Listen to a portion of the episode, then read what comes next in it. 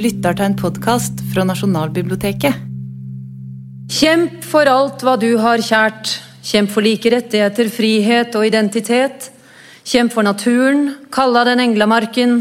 Kjemp for ren luft og for tilgang til rent vann. For retten til å velge hvem du vil elske. Kjemp for retten til å elske. Kjemp for retten til å snakke og skrive fritt. Kjemp for retten til å ha en barndom. Og om livet er en kamp, har brevpapiret beviselig vært en del av slagmarken, hva? Disse kveldene med levende brev er ikke bare en annen måte å oppleve historiske begivenheter på, det er også et møte med individet. Med det innerste i menneskene som har levd før oss. Og det er lesninger av helt personlige stemmer som også iblant skriver på vegne av fler. Og slik kan det private bli allmenngyldig, det personlige bli universelt. Brevene er hentet fra brevsamlingene til Arkivverket og Nasjonalbiblioteket. og De leses når de gjenopplives. Det er det de gjør. De gjenopplives. De kommer levende ut av arkivene, av arkene. Ebbe Karsten Hornemann Hertzberg. Født 11. april 1847 i Holmestrand. Diplomat, akademiker, professor i statistikk og statsøkonomi ved Det kongelige Fredriks universitet i Kristiania. Frem til han fikk såkalt avskjed i nåde pga. rykter om seksuelle forhold til unge menn fra arbeiderklassen. I et desperat og mislykket forsøk på å forsvare seg la han fram en psykiatrisk erklæring om at han hadde en medfødt egenskap kalt kontrær seksualfølelse. Som igjen skulle være et resultat av en arvelig nervesykdom. Kontrær seksualfølelse ble i samtida brukt synonymt med det nye ordet homoseksualitet. Hertzberg-affæren ga oss ikke bare en språklig nyvinning, ikke sant? men også en forståelse av kjærlighet og seksualitet mellom personer av samme kjønn. Ebbe Karsten Hornemann Hertzberg kan dermed med en viss rett sies å være den første norske homoseksuelle i moderne forstand. Og han omtalte dette som 'min medfødte skjevhet'. Hertzberg brevvekslet med den danske juristen Paul André 1843 til 1928 i 20 år, fra 1892 til Hertzbergs død i 1912. Og her kommer ett av dem, udatert. Det er transkribert av Runar Joråen ved Skeivt arkiv og leses av skuespiller Petter Winther.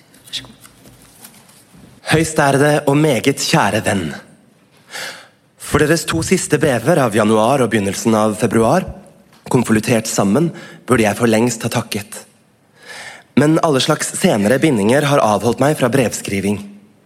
Det daglige einerlei gjør meg overhodet lite opplagt til å beholde pennen i hånden, også i de nokså få fristunder. De tollfrie tanker, derimot, vandrer desto lettere ned til Københavns siste bro, og funderer på hvorledes det går med dem.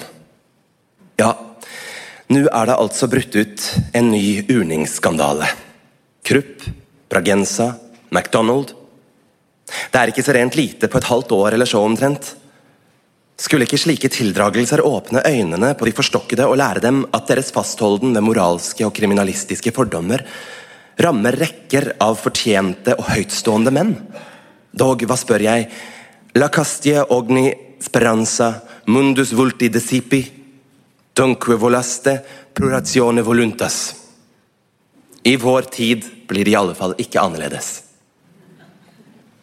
Det er blott en svak rødmen i den østlige horisont der kan tolkes som om dagen nærmer seg. Ingen illusjoner, altså. Og til dem regner jeg de såre, vennlige betraktninger som de i det ene av deres brev anstiller i min retning. De tar feil i selve utgangspunktet, kjære André. Jeg er kun tålt så lenge jeg ikke for alvor kommer noen på tvers. Gjorde jeg det, ville tonen straks bli en annen. Men på sådanne vilkår kan jeg ikke innta noen slags kjempende eller ledende stilling. Når dolken alltid holdes i beredskap, skyr man helst å blande seg i en folkedrimmel. For øvrig har jeg også gjort en trist erfaring i anvendt retning. En ung, ganske usedvanlig vinnende og lovende skuespiller av riktig god familie hadde gjennom andre også fått innpass hos meg. Ypperlig hode, nobel fremtreden, prektig organ og et språk som simpelthen er den beste norsk jeg noensinne har hørt tale. Lidenskapelig urning av smak, som meg selv. Hvorfor det moret meg å høre om hans utallige opplevelser i detalj. Derimot intet som helst samkvem oss imellom. Kom på avveie, og viste seg likevel som en hjelpsom broder overmåte lompen, idet han to ganger turet bort amerikareisepenger, som denne hadde skaffet ham. Påsto imidlertid at det var ham komplett umulig å skilles fra en herværende venn. Jeg tok denne unnskyldning som godt, i det minste psykologisk, og forsøkte å holde ham oppe. Lot ham få komme og gå hos meg, så som alle andre dører var ham lukket. Hjalp ham også nu og da pekuniært, skjønt ikke med større beløp, da han ikke kunne håndtere sådanne. Så innfant han seg en aften i mitt fravær, fikk under et brukbart påskudd piken til å slippe ham inn, brøt opp min skrivebordsskuff og stjal ca. 400 kroner, som jeg tilfeldigvis hadde unnlatt å plassere på annen måte. Psykologisk detalj lot 20 kroner ligge igjen, for at jeg ikke skulle finne meg ganske avblakket. Og som jeg hadde til overs for den fyr, melder det ei til politiet. Deres hengivne E.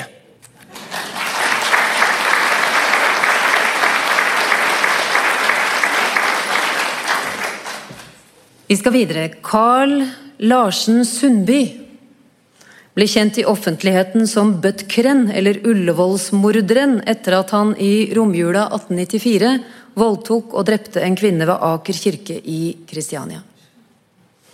Saken fikk stor oppmerksomhet. Pressen var raskt ute med å navngi Sundby som gjerningsmannen. Ønsket om hevn og korporal avstraffelse var sterkt, og særlig i Norsk kvinnesaksforening med Ragna Nilsen i spissen. Sundby ble beskrevet som et villdyr og et uhyre. Han ble først vurdert som tilregnelig, og i 1895 ble han dømt til straffarbeid på livstid i Akershus straffanstalt. Der, han ble lenket til veggen, og han ble lenket på føtter, og det var jo kaldt og fælt. Der viste han imidlertid sykdomstegn og truende oppførsel, og etter en ny undersøkelse ble han sinnssykeerklært, som det het, og overført til kriminalasylet under sterke protester fra bl.a. Norsk kvinnesaksforening, som fryktet at han ville få slippe ut hvis han en dag ble erklært frisk. Kvinnesaksforkjemperen og maleren Åsta Hanstens brev til venn Stine Lindemann, datert 5.4.1895, leses av Petter Winther, som kan være Åsta. Kjære Stine Lindemann. Ditt brev av 25. januar kom meg i hende den 26., nettopp dagen før min ilddåp den 27. Ditt brev gledet meg. Det gledet meg at du skriver 'Det gjelder Ullevålsmorderen'.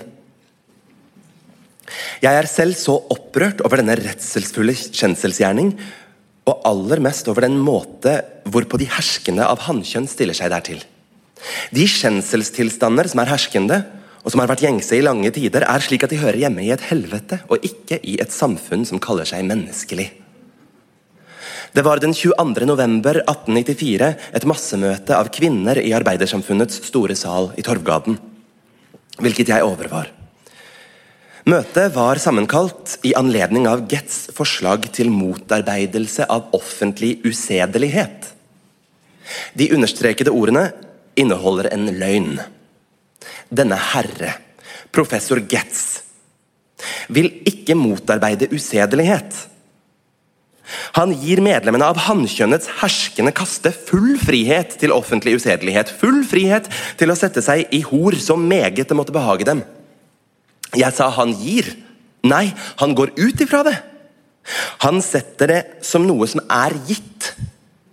Lovforslaget går ene og alene ut på hvorledes han, Herren, skal holde seg fra livet den gift som hans lastefullhet frembringer.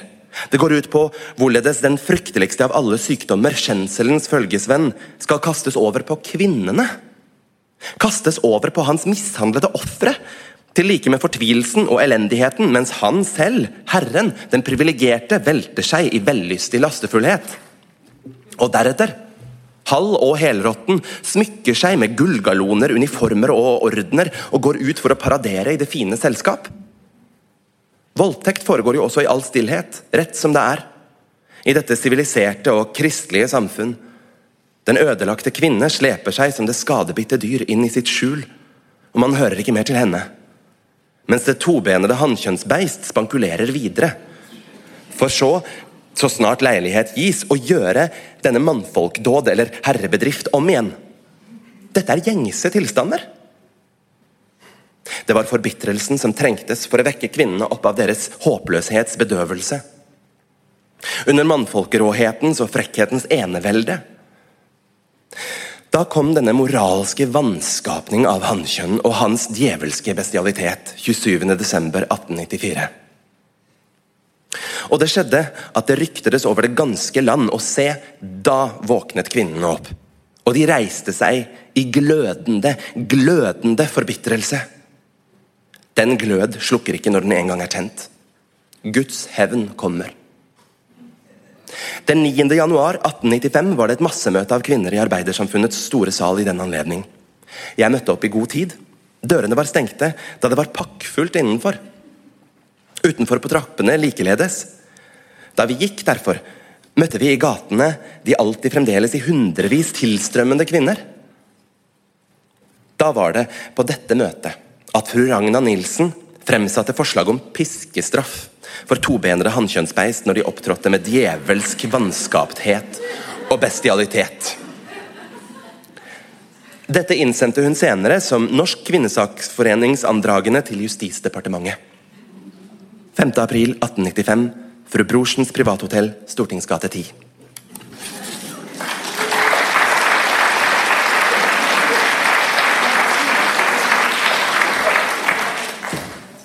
Det er kamp på forskjellige måter i hvert av disse brevene her i kveld. Og det slår meg at eh, hvor mye luft det er i et brev. altså Du setter deg ned og så leser du et brev som er mer enn en monolog. Det er en, det er en dialog. Det tar bare tid å lese det. Det tar tid å svare. Og så slår det meg at vi må forsøke alt vi kan å gjøre brevskrivningen hipp igjen. Fordi, Fordi, jeg mener, eh, Folkeopprør mot eh, klimahysteri og folkeopprøret mot folkeopprøret mot folkeopprøret mot klimahysteri. Det blir jo, En del av det er morsomt, og en del av det er fullstendig kakafonisk. Det er en sånn babling i munnen på hverandre. Det er jo på en måte ingen tid til å Hvis du leser en kronikk, det er en ting. Men brevene Det der med å vente på et svar, få et brev, tenke seg om Ta liksom en, litt tid før du går bananas. Og hun brukte tid, og så gikk hun bananas. Det er det som også er så befriende med Åsta Hansten, som sto i det. Som sto i det, som virkelig fikk høre det, hvor eksentrisk hun var, hvor vanskelig hun var. Hun var rollemodell for noen av disse hespetreene i kulturhistorien, tante Ulrikke, og det er ikke måte på. Og hun fortsatte å stå i det. Og det gjør alle de som skriver disse brevene her i kveld. Og det minner meg om at de var jo modige også. De hadde en veldig kraftfull stemme. Og så var brevskrivningen et sted å være. Hvis vi tenker på Hertzberg, eksempel, som skriver med sine likesinnede, som skriver med folk som noen av dem har karrieren i behold, og andre har fått lagt sitt liv i ruiner. Og de skriver også for å ha et sted å puste. Et sted å tenke fritt. Og kom, vil de høre en vise om gjest. Den er ikke skrevet av lensmann og prest. Altså Teksten til fjellsangen ble skrevet av Holger Sinding og publisert i boka 'Jess Borsen 'En forbryters livsroman', utgitt i Kristiania i 1890. For satte du gjest ut i jern og i bolt, hvor fant du de låser og murer som holdt? Ja, tenk hva I vil, og tro hva I kan. Og kall ham for tjuv og en helvetes brann. Den lov skal han ha, og den ros skal han få. Han tukter de store og hjelper de små. Det kan være ønsketenkning også. Han ble en slags Robin Hood. Eh, på Akershus festning satt Gjest Bårdsen og hadde stukket av for aller siste gang. Boltet fast til veggen skrev han første bind av sin egen livshistorie, Gjest Bårdsen, 'Sogndalsfjærens levnetsløp', forfattet av ham selv. Gjest var ingen mestertyv, men man kan godt si at han delte førsteplassen som utbryterkonge med Ole Høiland. Der raneren av Den norske bank, Ole Høiland, var nevenyttig, var gjest Bårdsen skrivekyndig. Og han var mer enn det, han var usedvanlig god. Han behersket mange sjangre, og han var så god at han rakk å se igjen Vestlandsfjella, gifte seg med den 25 år yngre Anne Elisabeth Reinke, starte en liten bokhandel i Bergen og drive den ett år før han døde i 1849, 58 år gammel. Og her er hentet fra Arkivverket gjest Bårdsens brev med søknad om kongens benådning, skrevet fra Akershus festnings slaveri 27.12.1839 og framført i frihet den 20. februar 2020 av Bjørn Skagestad. Akershus festning slaveri den 27. desember 1839. Gjest Bårdsen Sogndalsfjæren av Sogndals prestegjeld i Nordre Bergenhus amt. Der som domfelt til kakstrykning og offentlig arbeid på livstid har begått kvalifisert tyveri og pengerepresentativers ettergjørelse, hensitter i Akershus festnings slaveri, ansøker underdanigst på æren, underdanigst Deres Kongelige Majestet, om nådigst å bli forunt oppreisning på æren og håp om frihetens gjengivelse, efter nu i henved halv tolvte år å ha lidd for sine brødre. Til kongen. I slutten av året 1812 ble jeg ved Bergen stifts overrettsdom dømt til to års tukthusarbeid for begått tyveri, og som følge herav innsatt i Bergens tukt- og manufakturhus straks efter. Ungdomsforvillelser, utsprungne fra tilfeldige, fatale omstendigheter, brakte meg tidlig på avveie. Jeg var imidlertid ennå ikke sunket så dypt i lasten at jeg kanskje ville være kommet på rett vei igjen om jeg ikke som 20-årig yngling i Bergens rådstuearrester liksom ved min inntredelse i tukthuset hadde hatt det uhell å støte på personer i viss omgang og av viss grunnsetninger jeg ble ledet til foretagender hvis følge min ungdom og uerfarenhet ikke formådde å beregne. Få måneder efter min innsettelse i tukthuset unnvek jeg derfra. Loddet var kastet. Iført fangedrakt, blottet for penger og fryktsom for alle, drev nøden meg snart til nye forbrytelser, som igjen hadde min pågripelse til følge. En fortsettelse av unnvikelser, forbrytelser og pågripelser fortsatte i lengre tid. Idet jeg idelig etterstrebet og ville unndra meg straffen og flykte ut av landet, viklet jeg meg alt dypere og dypere inn i lastens og ulykkens rett. Jeg innså nu vel hvor ufornuftig jeg hadde handlet i å følge hine totalfordervedes råd og dvelte i timer. Jeg hadde som barn nytt en efter min stand omhyggelig skoleundervisning.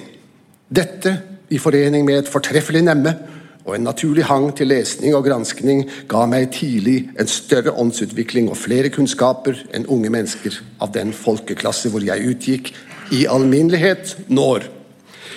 Det ble meg derfor så meget lettere å følge den påbegynte bane, siden jeg derved ble i stand til å knytte forbindelser, legge planer og utføre foretagender til hvilke den mindre opplyste forbryter manglet evne og innsikter.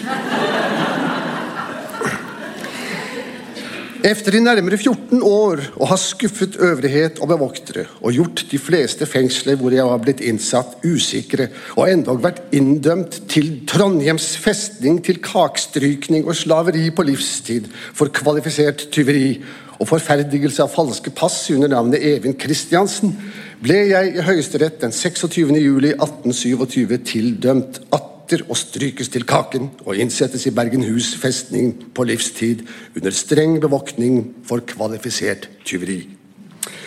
Den 14. ble jeg innsatt i Bergenhus festning, men ved en regjeringsbeslutning transportert til Akershus festning og der innsatt i slaveri den 29. oktober. Da dommen ved kongelig resolusjon av 5. november stadfestedes, utholdt jeg to ganger kakstrykningsstraff. Jeg var nå i min kraftfulleste manndomsalder, 35 år gammel. Med blødende hjerte, med smertelige følelser betraktet jeg min skjensel og den gledesløse fremtid jeg hadde beredt meg. De mange, men fruktesløse forsøk jeg hadde gjort på å unndra meg den straff jeg nå led, var tilstrekkelig nok til å overtyde meg om at det kun ville lite ville gagne meg å våve flere. Og en lovlig frihet! Hvor lite kunne jeg, den med så mange brødre betyngende mann, våve å håpe den?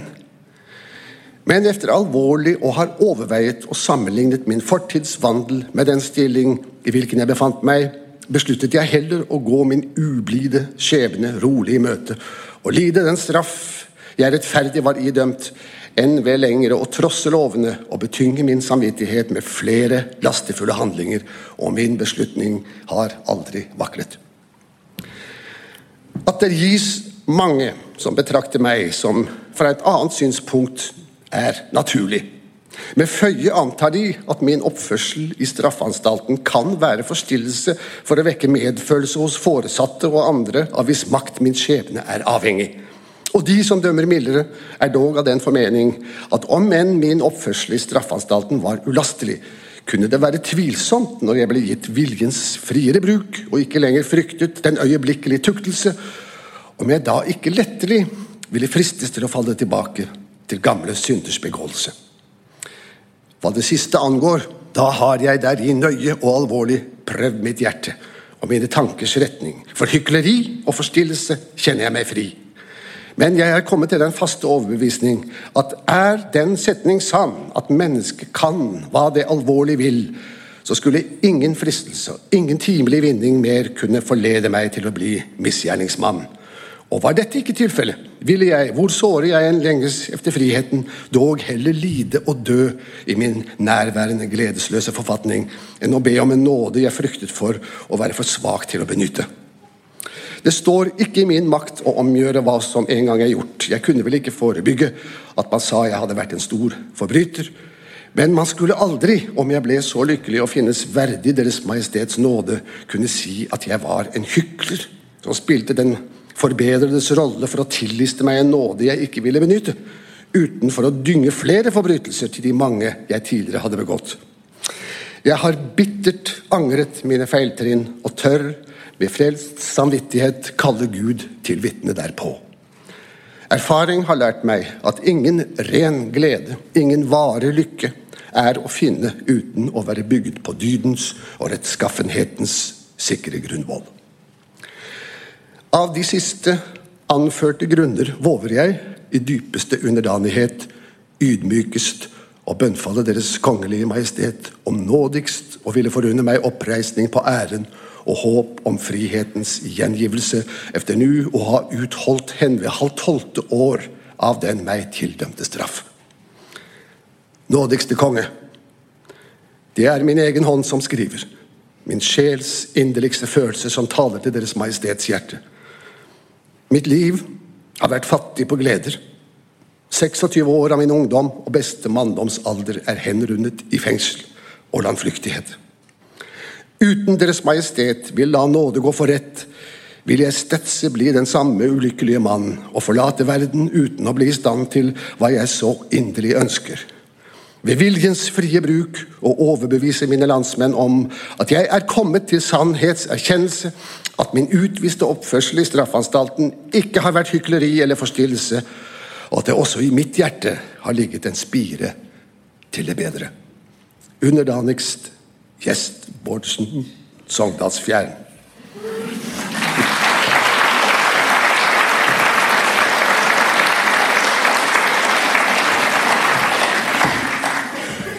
Jeg hadde en gammel norsklærer som sa 'skriv kort'.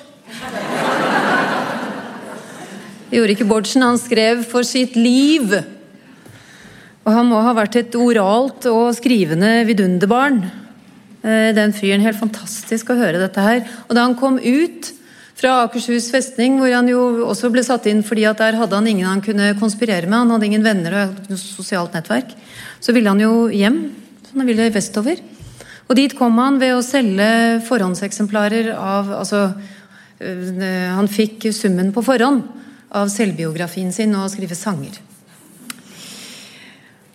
Og jeg tenker at Å få et sånt brev om benådning fra gjest Bårdsen må jo ha ført til at man enten så blir man som den Vi kan jo ikke vi kan jo ikke ha denne mannen sperret inne.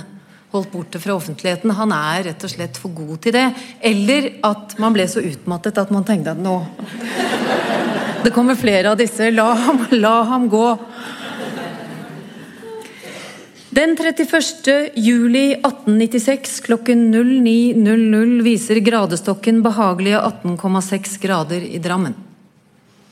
I løpet av formiddagen synker temperaturen til 15 grader, og vi kan tenke oss, vi kan tenke oss at det er i disse lunkne formiddagstimene kvinnesaksforkjemperen, politikeren, Norges første kvinnelige fabrikkinspektør og Siv Jensens oldemor, Betzy Alexandra Kjelsberg, forsegler brevet hun har skrevet til høvdingen på Aulestad Hopp Karoline, Bjørnstjerne Bjørnson. Betzy Kjelsberg leder Drammen kvinnelige handelsstandsforening, er medlem av Frihetspartiet, og jeg skulle nesten ikke tro hun tok nei for god fisk. Her er brevet framført av Giske Arman. Herr Bjørnstjerne Bjørnson, Aulestad, kjære herr Bjørnson. De vil vel forbauses over min frimodighet når jeg herved er så fri å spørre dem om de vil komme til Drammen og holde et foredrag for innen de reiser fra oss igjen. Jeg er formann i Drammens kvinnelige handelsstandsforening, en forening som teller 90 medlemmer, og som ble stiftet av meg for to og et halvt år siden. Foreningens formål er å opphjelpe den kvinnelige handelsstandskår og dernest å støtte og stå hverandre bi i sykdom og nød. I den hensikt har vi dannet en sykekasse som yter medlemmene fri legehjelp. Og til hjelp til denne sykekassa hadde vi av Drammens Samlag et årlig bidrag av 200 kroner. Og dette bidrag ble imidlertid fratatt oss nå ved siste generalforsamling, skjønt direksjonen enstemmig hadde innstilt det til bevilgning. Og grunnen hvorfor vi mistet det, tror jeg er å søke i uvilje mot meg.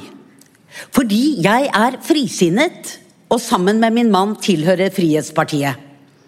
I en by som Drammen tåles ikke dette. Nei, her må ingen nye ideer få plass til å vokse. Her skal alt knekkes. Imidlertid går rydningsarbeidet i det stille, men eh, mang en rygg blir krum mangt et sinn brutt i kampen for frihet i denne by.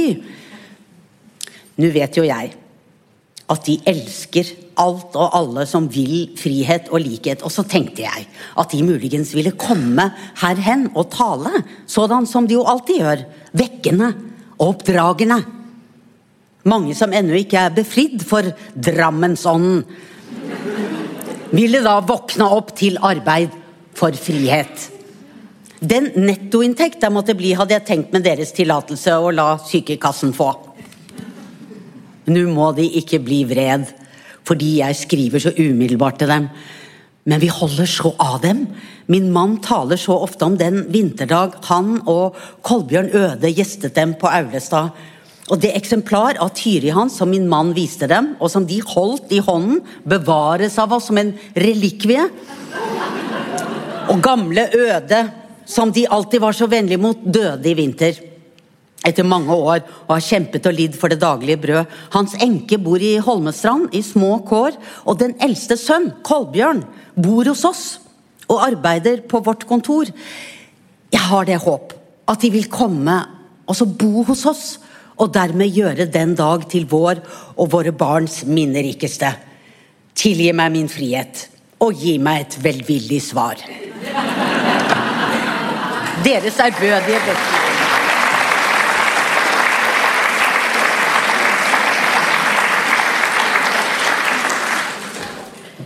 Det kalles et uh, hjertelig pågående press, det der. er elegant gjort. Sigbjørn Obstfelder. Hva? Vår fremste representant for tidlig modernistisk lyrikk. Utenforheten. Opplevelsen av å ikke riktig henge fast i samtida og sammenhengen, fattigdommen, skuespill, dikt og novelletter, omflakkende og rastløs, bereist, sosial og bekymret. Han var forresten en av dem som gikk. Visste dere det? At han var en vandrer? I 1885 gikk han fra Kristiania til Stavanger via Haukeli. Det er jo helt sjukt. Uten følgebil.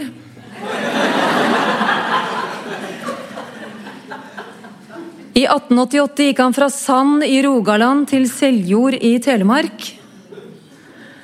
Det er eh, bilvei per i dag 22 mil eller noe sånt nå. Det var det ikke den gangen.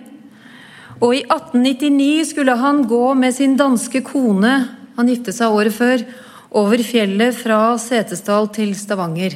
Tenk på det når du skryter av gått eh, en eller annen rygg i Jotunheimen. Men han ble overrasket. altså De, ble da, de gikk tynnkledd. De hadde feil klær, feil sko, feil alt. Eh, og ble overrasket av uvær underveis, og så ble de berget av lokale gjetere. Og det er nok et argument for å ha gjetere. Der har vi en annen kamp. Året før, antagelig våren 1898, skrev Obstfelder det brevet dere får høre nå. Han har to år igjen å leve, men det vet han ikke. Han døde av tuberkulose i Berlin, tror jeg. Brevet er stilet til statsråd Vekselsen med håp om stipend for å kunne fortsette å skrive. Petter Winther leser. Herr statsråd Vekselsen. Man har tilrådet meg å henvende meg til den øverste myndighet og forklare hvorfor det er meg av største viktighet i år å erholde stipendium. Jeg har i de fire foregående år søkt Hoens legat og det ville gjøre meg meget ondt om jeg i år ble tilsidesatt. Jeg har opp igjennom hele min ungdom vært fattig, og det har krevd den sterkeste energi, tålmodighet, den største idealitet for meg å vie meg til kunsten. Av de med meg jevnaldrende forfattere har jeg stadig vært den mest trengende. Jeg kan blott tjene en brøkdel av hva de fleste unge kunstnere kan. En sterk fordring til sammentrengthet gjør at mitt arbeide blir av sparsomt sideantall. En stor, kanskje for stor, selvkritikk gjør at jeg publiserer det minst mulige. Jeg har således alltid vært henvist til å leve på forskudd, og hvis jeg ikke i år erholder et stipendium, ser jeg meg nødt til, i alle fall foreløpig, å oppgi forfatterskapet. Jeg tror de fleste av Nordens mest fremragende kritikere ville være rede til å beklage det. Om jeg midt i min frodigste produksjonsperiode måtte avbryte.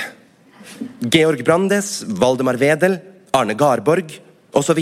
har alle uttalt seg i de sterkeste ord om mitt talent og de muligheter det innebærer. Jeg vet at eh, om et godt stipendium ble meg gitt, ville det ikke være én av de jevnaldrende unge kunstnere og forfattere som ikke fant dette å være det rettferdigste, og som ikke ville glede seg av hjertet derover. Jeg har i mine ansøkninger de foregående år nevnt at jeg hadde mm, under arbeidet et verk for hvis skyld jeg gjerne ville besøkt Syd-Europa. Men eh, en motivering i så alminnelig uttrykk vil vel eh, gjøre lite eller intet inntrykk jeg er derfor begynt å tro at det er min plikt like overfor dette verk, her privat å nevne noe spesifikt om dets emne.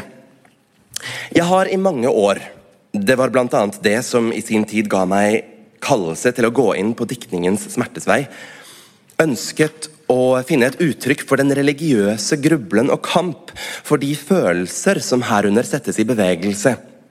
For den smertelige famlen etter Gud og det innerste for den strålende fornemmelse av Gud i enkelte momenter, for kampen mellom Gud og menneske, den forferdede følelse av å være fjernet fra opphavet osv. osv. Jeg har villet se de store kirker, jeg har villet høre den gamle kirkemusikk. Jeg har villet fornemme ved historiske steder åndepuste fra det eldste religiøse liv, for å ildnes, for å finne ord se klarere i dybden og i sammenhengene som jeg allerede har lest i bøker, Augustin, Pascal, Dante, Bibelen. Dette er blott dårlige antydninger som både kan love for meget og for lite om en bok som jeg har påbegynt under tittelen En prests dagbok. Jeg har påbegynt den og lagt den til side igjen. Jeg har gjentagende ganger håpet på et stipendium, det otium det ville gi, og ikke minst den glede det ville fylle meg med, det og Syden det, det skulle gi kraft og mot til den store anspennelse. Gang på gang har jeg måttet legge til side et arbeide hvis plan visstnok stadig ville komme igjen og igjen. Et arbeide som kanskje Gud selv fordrer at jeg skal gjøre ferdig. Og så er det da at jeg så høyt ønsker Hoens stipendium. Fordi det gir sikkerhet og ro for to sammenhengende år. I høy aktelse og ærbødighet. Sigbjørn Opsfeller.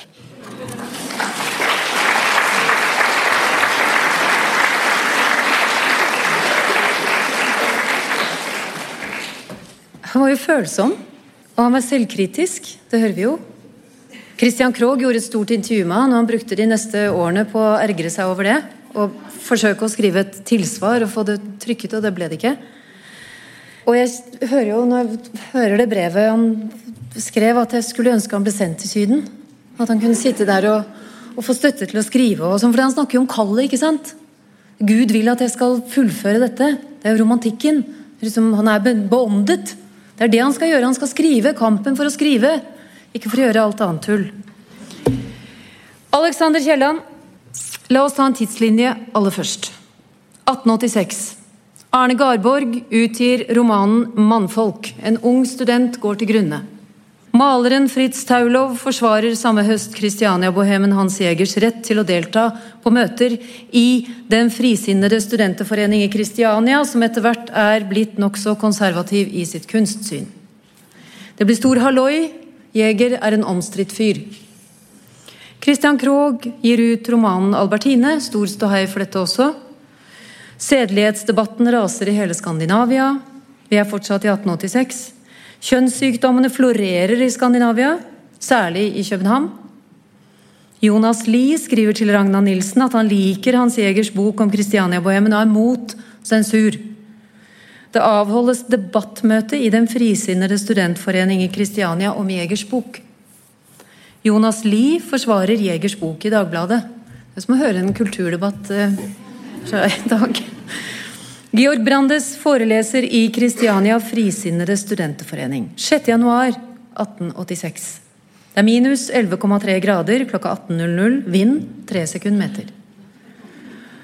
Alexander Kielland skriver et flengende, men faderlig avslag til Den frisinnede studenterforening. Og Bjørn Skagestad leser. Den frisinnede studenterforening, Hillevåg per Stavanger, 6. januar 1886 til Den frisinnede studenterforening. Jeg kan dessverre ikke motta innbydelsen. Et samfunn av studenter har sin rett, eller sin unnskyldning, i tradisjoner fra andre tider enn våre. Men å gå ut av unnskyldningen og fortsatt ville være noe som studenter, det er det ikke plass for nå til dags, mener jeg. Dessuten er jeg alltid imot at opposisjonen oppgir sin historiske medeierrett og går utenfor.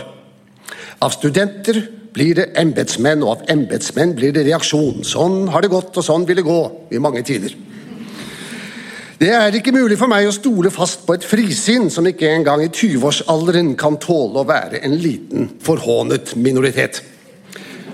For frisinn, mine unge herrer, er en lang prøvelse. Husk først på at når dere kommer til full mannsalder, f.eks. om ti år, da står kampen om ideer som i dette øyeblikk kun finnes i noen få av de galeste hoder i Europa. Og glem så heller ikke at til den tid har livet ganske annerledes haket seg fast i oss med utallige ansvar, hensyn, forpliktelser, mangfoldige store og små oppfordringer til å bøye til side og slå av. Da spørres det efter det frisinn som er gått i blodet, om det har brent seg inn i karakteren og satt en fast ryggrad for frie og modige menn. Og det er min faste overbevisning at det frisinn som holdes under en fullvoksne manns ansvarlighet, det skal herdes i indignasjon og ete seg dypt inn i den enkelte under trykket av de manges forholdelse. Og det er ingen reaksjon jeg er redd for, unntagen for den som begynte i det frimodige frisinn for ingen sykdom er så hyppig, ingen pest så smittsom og motbydelig som årenes og alderdommens forræderi mot ungdommens begeistrede frisinn. La oss opphøre med de store løfter mens vi er unge, sånn at vi ikke skulle innhente oss som skjensel når vi blir gamle. Blant de meget ærede navnene jeg ser under innbydelsen, er jeg glad for å finne venner som kan forklare de unge, til hvem jeg især henvender meg, at jeg ikke har gitt dette svar for å være ubehagelig, men fordi det er min hjertens mening. Og jeg ber dem, mine herrer, vær forvisset om at jeg ikke har noe oppriktigere ønske enn at tiden måtte gi meg grundig urett. Og prøv så å tåle så godt dere kan hva jeg her har sagt i oppriktighet og med all aktelse for ungdommen. Deres meget ærbødige Alexander L. Kielland.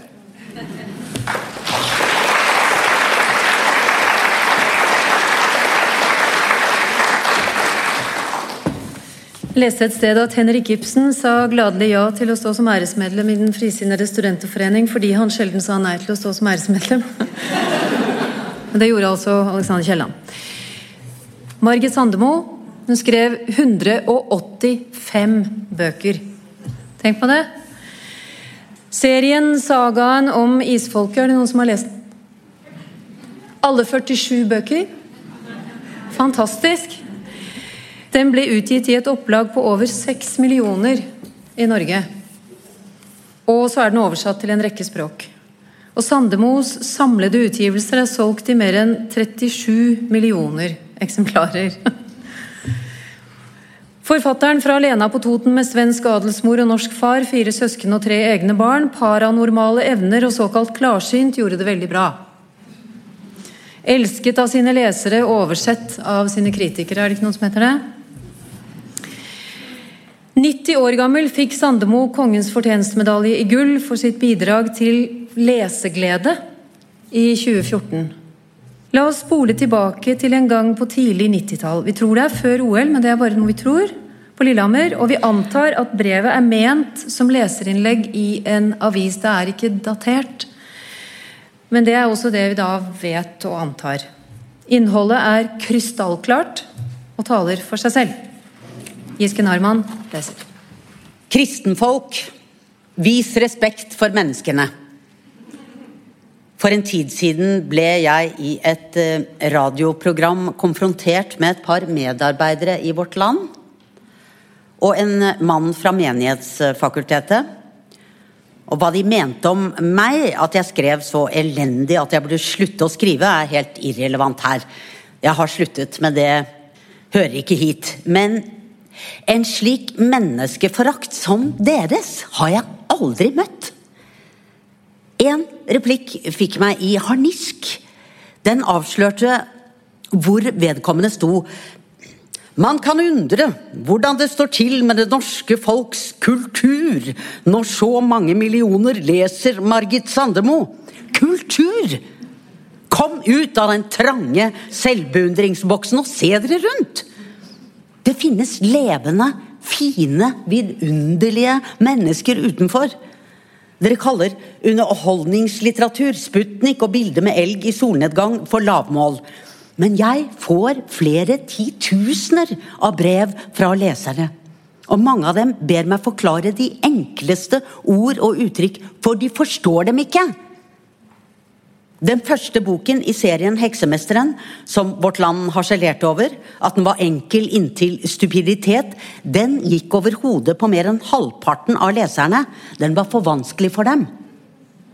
Skal da disse millioner av mennesker, gode, kultiverte av hjerte, ikke få lov til å lese noe de begriper? Skal de ikke få glede seg over Carola eller bildene de har innkjøpt? Selv er jeg Arne Norheim-fan og har mitt favorittbilde av van Gogh på veggen, men det ville aldri falle meg inn å forakte dem som liker noe annet. Det er deres smak. Og la være med å sitte på høye hester og se ned på medmenneskene, eller enda verre, nonsjalere dem. Var det ikke noen som sa 'salige er de i ånden fattige', for de skal se Gud'?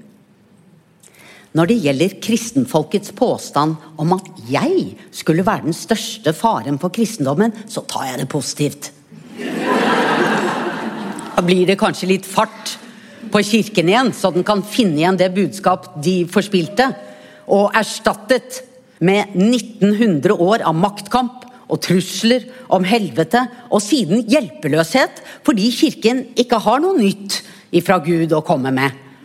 Vårt Land skrev at jeg vil prestene til livs, uten å utdype hvorfor. Hva jeg mener er at det må være noe fundamentalt feil med kirken når tusener på tusener av mennesker i åndelig nød skriver eller ringer til meg, ofte midt på natten, og ber meg om hjelp og råd. For som de sier, presten kan man jo ikke snakke med. Med vennlig hilsen Margit Sandemo.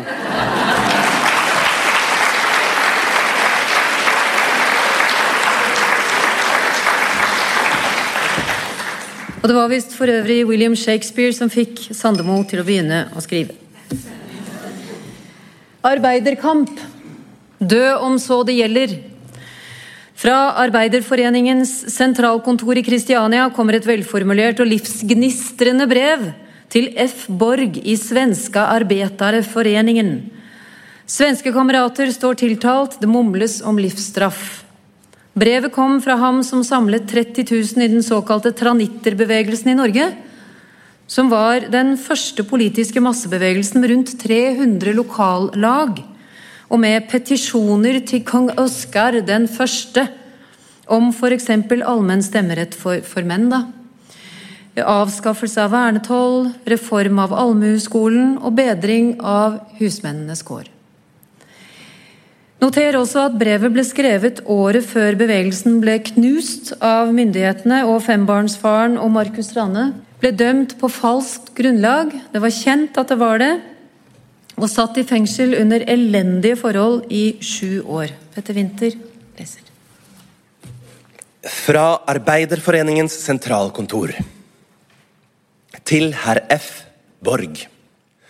Det var uendelig kjært å motta deres brev av 12.9, som overtyder meg om at Arbeiderforeningens sak i Stockholm ennå ikke er ganske tapt.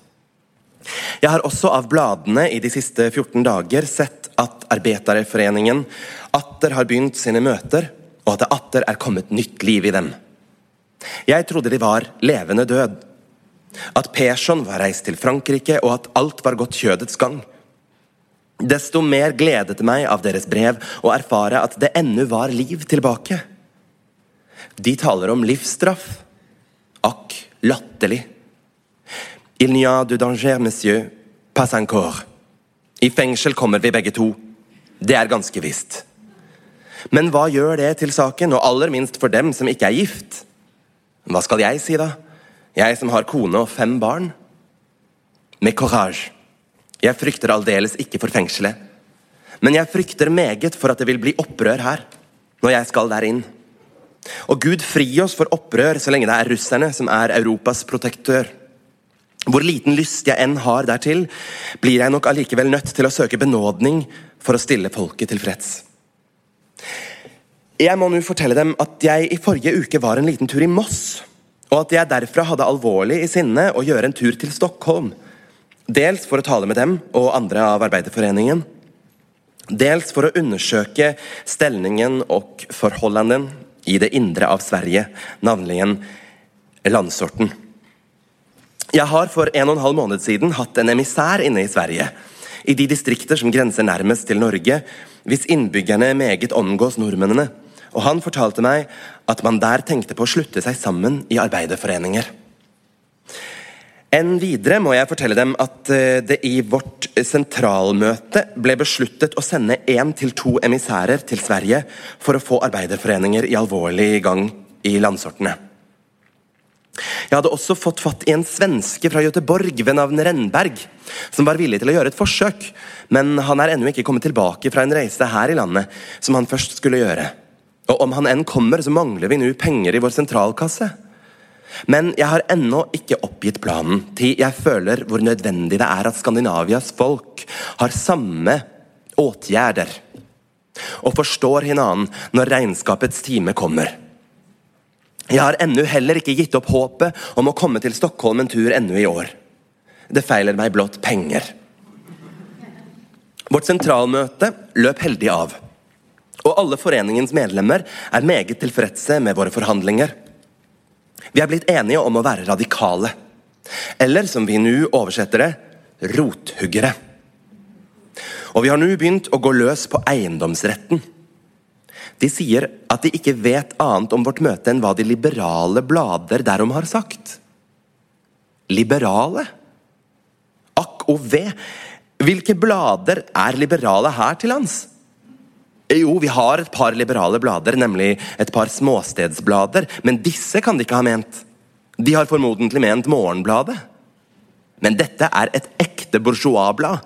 Et blad for eiendommens fullkomne hellighet. Det vil ha ryggen fri, som alle andre av samme surdeig. På Stockholms arbeiderforenings vegne abonnerer de på mitt blad, og sier at, uh, at de skal sende meg to riksdaler derfor. Jeg skal med denne post sende dem mitt blad fra en del numre tilbake, men jeg må be dem anholde hos foreningens bestyrelse om ikke å sende meg noen betaling derfor.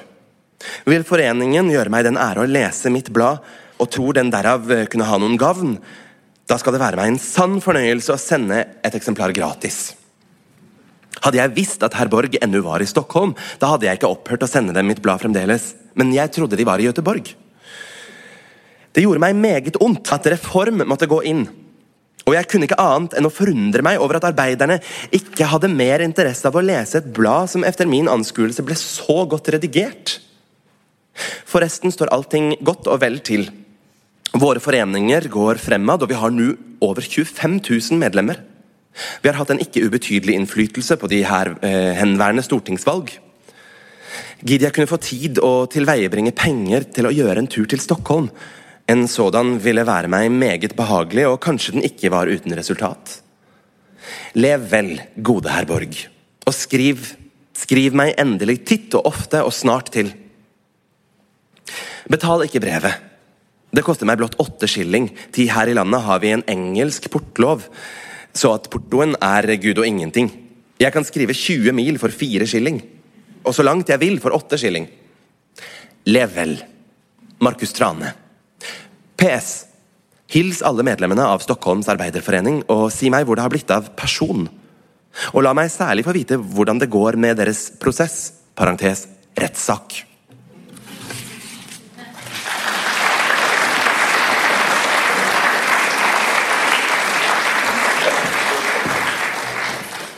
Markus Tran. I Arkivverkets brevarkiv ligger et maskinskrevet, brettet brev fra 6.9.1941. Ordet 'ikke' gjentas flere ganger i teksten og er understreket kraftig med blyant. Det er et tydelig brev. Et kort, men svært modig brev som Ingrid Bjerkås ikke fikk svar på før hun sendte et nytt med samme budskap. Og svaret hun fikk, var at NS-legen Hans Eng hadde laget en psykiatrisk rapport basert på brevet og diagnostisert Ingrid Bjerkås med den fantasifulle diagnosen Jøsingismus psykopatica. Bare henter det ned. Hun sendte et nytt brev til rikskommissær Terboven i 1943. Det er nesten ikke til å fatte at det går an å tørre dette her. Og ble satt på Grini, arrestert overlevde. For hun ble altså da ordinert som Norges første kvinnelige prest i 1961. Og brevet hennes, som er kveldens siste og kanskje mest kraftfulle, leses av Giske Narman. 6.9.1941. Herr Quisling. Etter å ha hørt talen deres i radio i går, mener jeg å ha rett og plikt til å henvende meg til dem på denne måten herr Quisling. De har nå gjort landet vårt så stor skade som kanskje aldri noen enkelt mann før dem. Og ennå syns de ikke det er nok, ennå vil de fortsette. Hvis de enda kunne si at de vet at Hitler vil vinne krigen, vil det være en formildende omstendighet for handlemåten deres, men de kan nettopp ikke si dette. De bare tror antar og håper. Og på dette grunnlaget trekker de flere og flere svake nordmenn med dem på den ulykksalige veien de selv er kommet inn på. Herr Quisling, jeg sier dem. Jeg vet at Hitler og Nazi-Tyskland ikke vil vinne krigen, at England ikke kan ydmykes, og at vår egen konge, kronprinsfamilie, regjering og våre sjømenn og alle de andre vil komme tilbake til et fritt, gjenerobret Norge. Og på dette grunnlaget spør jeg dem! Hvordan våger de, herr Quisling, å forlokke og forføre nordmenn til å bli landsforrædere? Kongesvikere og forbrytere mot sitt eget folk. Til skjensel for hele verden og til usselhet blant sine egne. Nei, hvis de virkelig er nordmann, herr Quisling, og har de samme kjenslene på bunnen i dem som hver ekte nordmann, så har de bare én ting å gjøre. Oppløs partiet deres, og innrøm overfor dem selv og verden at den veien de har gått, ikke fører oppover, men nedover i ulykken. Det skal mot til det. Men de brukte selv i talen deres ordene kristendom i praksis, og da vet de vel også det, at den som gjør det riktige, ikke behøver å være redd for noen eller noe, for han har Gud med seg. Er De nordmann, herr Quisling, så gjør det riktige, og gjør det snart. Jeg er en helt alminnelig, anonym norsk borger, men for sømmelighets skyld bruker jeg navnet mitt, Ingrid Bjerkås.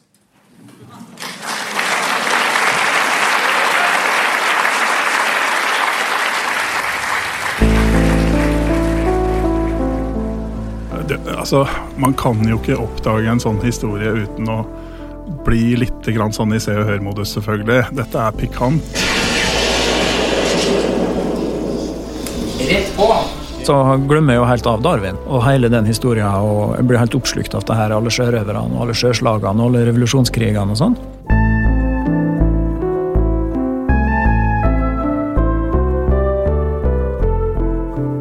Samlingene til Nasjonalbiblioteket så finnes det spor etter et helt hav av dunkle drama og glemte liv fra Norges historie. I podkasten Gamle greier så skal jeg, Askild Matre Aasarød, fra det lille studioet midt i kjelleren under Nasjonalbiblioteket i Oslo, nøste opp de her mysteriene. Han har nok lie bakom i granen her en eller annen plass.